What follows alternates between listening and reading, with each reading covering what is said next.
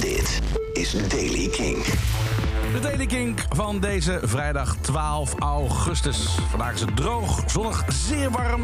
Met vanmiddag op de meeste plaatsen tropische temperaturen. In het zuiden kan het zo'n 33 graden worden.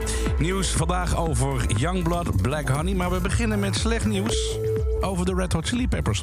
Eh, sorry, over de Rage Against the Machine. Nou, de Chili Peppers. joh. Rage Against the Machine. Want na jaren wachten zou er deze zomer eh, dan eindelijk van komen. Een eh, Europese tournee van Rage Against the Machine. Maar gisteren maakte de band bekend dat er vanwege medische redenen... een streep door alle Europese shows gaat. Zanger Sector La die liep in een eerder stadium van de tournee een beenblessure op... waardoor hij het merendeel van de show zittend deed.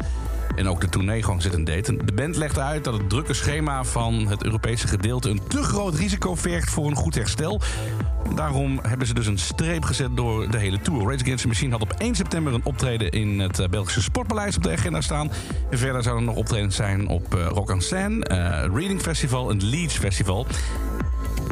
Nog erger nieuws, er zijn geen vervangende data in Europa op dit moment. Youngblood was gisteren te gast. Ja, Youngblood heeft deze week de Kink XL te pakken met The Emperor. Over een paar weken verschijnt eh, de plaat.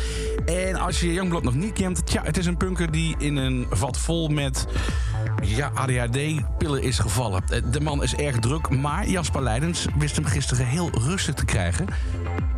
door hem een meditatievideo te laten inspreken. Ja, dit is Youngblood die The Emperor heel rustig aan je voorleest. The sun's gonna shine today, so don't worry. I know everything will be okay. So wipe off your face and start running. Leave your mistakes to yesterday. I got a responsibility to sit down and think what I should do. De hele video kun je terugkijken via de social media kanalen van Kink. Het is alweer zo'n eh, anderhalf jaar geleden sinds Black Honey eh, zijn tweede plaat, written and directed, op de wereld losliet. Eh, dat ging eh, de band uit Brighton zeker vast goed af. Want gezien de release die eh, eh, nog wat fans opleverde, leverde het ook nog eens een keer het voorprogramma op van Nothing But Thieves. En nu hebben ze een nieuwe track uitgebracht. En die is lekker, die heet Charlie Bronson.